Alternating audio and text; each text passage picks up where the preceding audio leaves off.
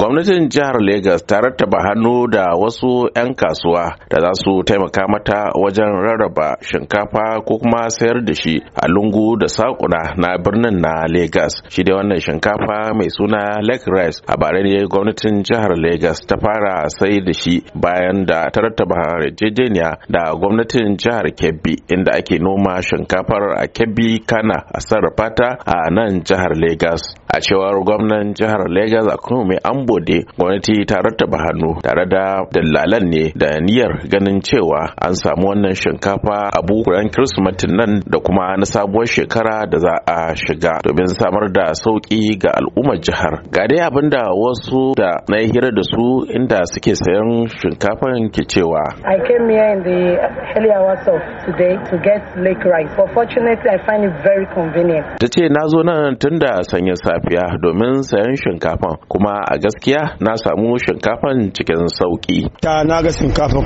da ido na mutanen sun saya da yawa. Ni ma na ji labarin sa ne wajen kawaye na wajen su uku da suka je suka siya. Dukan su kowanne price din sa daban wata ta ce min dubu takwas wata ta ce min dubu goma wata ta ce min sha ana dai sai da kilogram hamsin na shinkafan ne akan naira dubu goma sha biyu. A inda ake sai da kilogram ashirin da biyar da kilo goma akan kuɗi naira dubu shida da kuma naira dubu biyu da ɗari biyar a cewar wata jami'a na ma'aikatar harkokin gona a jihar Legas Mrs. Ladi Akinyemi gwamnati ta ɗauki wannan mataki ne na kulla yarjejeniya da manyan 'yan kasuwa domin ganin shinkafa ya samu isa wajen kowa da kowa.